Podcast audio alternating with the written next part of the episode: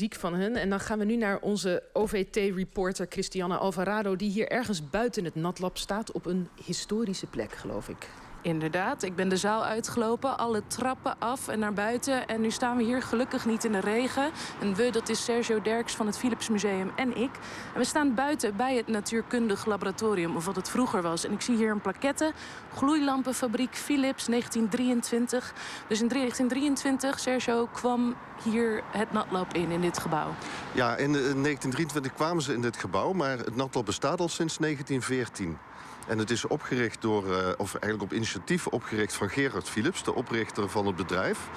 En uh, hij uh, uh, nam een, een, wetenschapper aan, Gilles Holst, als eerste directeur. En dat was niet de minste, want Gilles Holst was weer assistent geweest van Kamerlink Onnes, een Nobelprijswinnaar. En wat gebeurde hier eigenlijk in dit natuurkundige nou. laboratorium van Philips? Uh, nou, Philips had uh, ook eigen uitvindingen nodig... omdat de octrooiwet in 1910 buiten werking was gesteld. Dus of er kwam juist een octrooiwet, zo moet ik het zeggen. En Philips had dus ook eigen uitvindingen nodig. Nou, en uh, ook om de concurrentie voor te blijven. En hier werd echt een, een, een wetenschappelijk instituut neergezet van, eigenlijk van wereldfaam. En zelfs Albert Einstein is in 1923, dus toen dit nieuwe gebouw werd geopend, die is hier geweest. Dus 100 jaar geleden, precies 100 jaar geleden, is Einstein door diezelfde, op diezelfde trap die ik zie naar gelopen... door dezelfde deur naar binnen hier in dit gebouw. Ja, ja dat klopt. Uh, hij heeft hier een lezing gehouden en heeft ook een rondleiding gekregen door het gebouw. Hij was erg onder de indruk. Maar we, we hebben helaas geen foto ervan. Die is toen niet genomen. Maar we weten wel, we hebben wel in het bedrijfsarchief... Hebben we... Ja, want wat voor lezing was dit? Ja, in het bedrijfsarchief hebben we de titel uh, kunnen achterhalen. Nou, ik zal hem even voorlezen. Ja, je hebt een oh, briefje mee, want hij is behoorlijk... Uh, dat is een behoorlijk lange titel. Ik mocht hem net al even zien.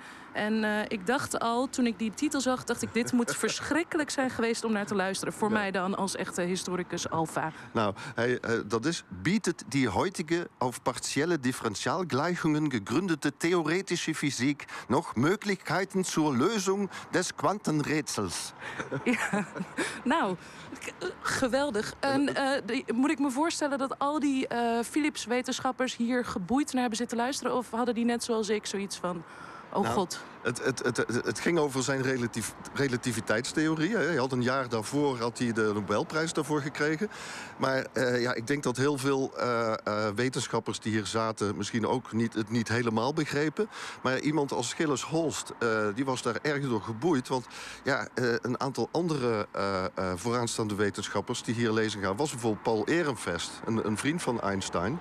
En we vermoeden dat Einstein op weg van Leiden naar, naar Berlijn naar zijn thuisplaats hier een tussenstop heeft gemaakt om die lezing te geven. Ah ja, en dit was dus echt een soort speelplaats voor wetenschappers in die tijd. Kun je nog even een voorbeeld noemen? Wat is hier in dit gebouw waar we nu voor staan uitgevonden? Nou, je moet bijvoorbeeld denken aan... Uh, uh, van hieruit is, uh, de, de, heeft koningin Wilhelmina en prinses Juliana... hebben van hieruit de allereerste radio-uitzending gegeven... die van hieruit mogelijk was, naar, met Indië. En, en aan de andere kant met Suriname en de Nederlandse Dus het was echt een enorme afstand... waarover zo'n radio-uitzending tot stand kwam.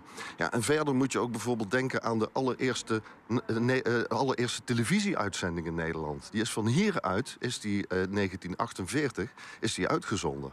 Geweldig. Dus inderdaad, voor ons radio- en tv-mensen bij de ja. VPRO... is dit een extra historische ja, plek. Ja, ja. Niet Hilversum, maar Eindhoven. Als Niet Hilversum, maar Eindhoven. Onthoud het allemaal. Ja, en tot 1964 zijn hier dus al die uitvindingen gedaan... in dit gebouw.